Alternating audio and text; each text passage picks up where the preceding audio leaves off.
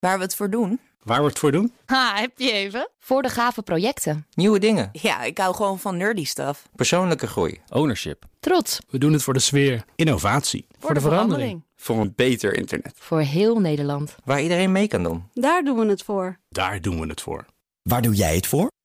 Kom werken voor KPN en groei op jouw manier. Check de actuele vacatures op het gebied van data, security, development en networking op jobs.kpn.com/tech. Wetenschap vandaag. Er zijn nieuwe biomarkers ontdekt die ons kunnen gaan helpen bij het vinden van broeikasgasetende bodembacteriën. En die bacteriën kunnen ons weer helpen bij het voorspellen van het toekomstige klimaat. We gaan naar Carlijn Meijners, onze wetenschapsdirecteur. Carlijn, heel goedemiddag. Goedemiddag. Ik moest al heel hard nadenken bij die tekst. Ik hoorde het, ja. Vertel, jij weet hier natuurlijk alles over. Ja, ik heb mij eh, ook even uitgebreid bij laten praten door. dit is een prachtige titel: Organisch Geochemicus. Verbaast me niks in deze constellatie. eh, Smit. Ja. Nee, toch? Dat past er heel mooi bij. Zij heeft daar promotieonderzoek gedaan. Ze promoveert deze week eh, bij het Koninklijk Nederlands Instituut voor Onderzoek der Zee en de Universiteit Utrecht. Nou, vindt er bij het NIOS al veel onderzoek plaats naar, komt er weer een moeilijke, marine lipide biomarkers. Eigenlijk zijn het gewoon chemische sporen van micro-organismen zoals bacteriën. En dan in de oceanen en oceaanbodem.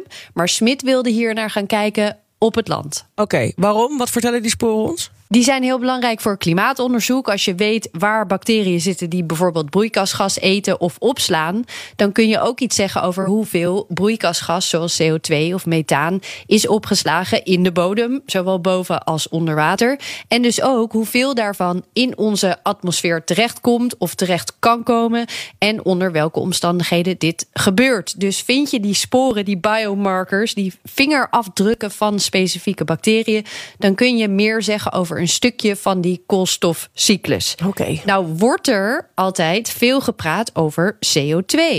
However, methane is also a very important greenhouse gas, and its global warming potential is about 25 times more than the one of CO2 over a 100 year timescale.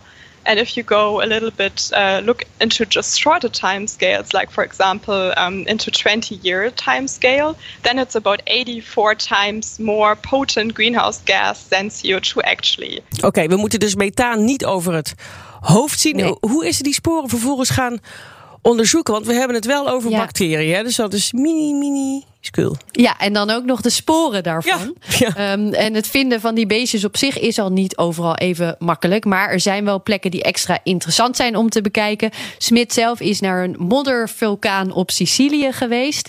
Daar zitten natuurlijke gasbronnen waar extra veel uitstoot is. En waar dus ook veel van die bacteriën te vinden zijn. Die zijn heel actief. Die voeden zich met broeikasgassen als methaan.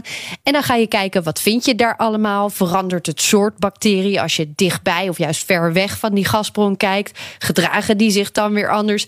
Maar dus ook zijn er biomarkers te vinden voor die verschillende bacteriën. depends also then about the stability of this biomarker of this molecules if it's degraded fast or not in the environment because these biomarkers are um, very good to use instead of DNA because DNA is not so long traceable but our biomarkers are so you can also with certain biomarkers you can also go in the geological past over millions of years Ja, als je dus een goede, stabiele biomarker vindt, dan geeft dat een kijkje in het verleden. Ja, het vertelt iets over een methaanuitstoot nu op dit moment, maar dus ook over de uitstoot in het verleden. The most interesting question is now we looked into uh, modern environments, but can we apply our biomarkers now also to past environments? That's a big question.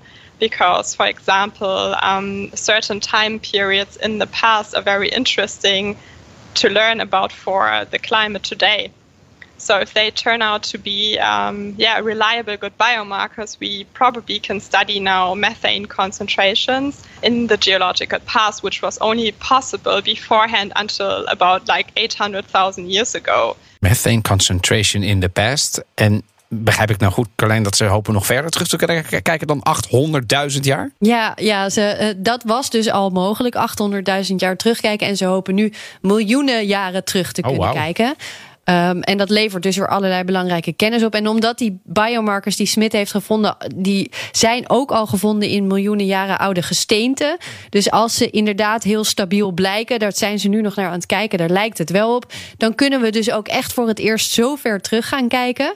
En ze vond ook nog uh, even daarbij wat bijzondere andere bacteriën daar op Sicilië. Ethaan-etende bacteriën. Uh, bacteriën die verwant zijn aan tuberculose-bacteriën. Die waren nog nooit eerder in zo'n gevonden. Zijn overigens wel een beetje net wat anders dan die uh, ziekmakende familieleden die we allemaal kennen. Maar Ja. toch heel interessant. Kun- kunnen we ook niet gewoon zeggen, we, we strooien die beestjes uit over de hele aarde? Een hele kinderlijke Dat- ja, oplossing, hè, dit maar. Nou, eh, ik, dat leek mij dus ook een heel goed idee. Eh, maar dat is niet heel makkelijk, want dan zou je ze moeten gaan kweken in een lab. It's always hard to grow a microbe in a lab. It's not super easy just to get a sample and then they will grow. You first need to understand, you know, their metabolism, like what kind of food do they like, what kind of conditions, which temperatures. It's not very easy to grow a microbe, but yeah, you can definitely, if you understand them better and yeah, get to know them better, you can um, probably help them in the environment to grow. And then help us, yeah, with, with, with climate change and global warming. Yeah. Ja, we hebben dus nog wat tijd met ze nodig om ze iets beter te leren begrijpen. Ja, ja, en daar wordt ook onderzoek naar gedaan door andere groepen. Hè. Hoe werkt dat nou precies? Hoe werken ze precies? Hoe ver werken ze precies? En tegelijkertijd wordt er dus heel goed gekeken naar die biomarkers. En zo komen we steeds meer te weten over het verleden. En kunnen we steeds beter in de toekomst kijken. Carlijn, dankjewel. Bij BNR ben je altijd als eerste op de hoogte van het laatste nieuws. Luister dagelijks live via internet. Bas van Werven. En heel langzaam komt de zon op rond dit tijdstip. Je krijgt inzicht in de dag die komt op BNR, het Binnenhof in Nederland en de rest van de wereld. De Ochtendspits. Voor de beste start van je werkdag. Blijf scherp en mis niets.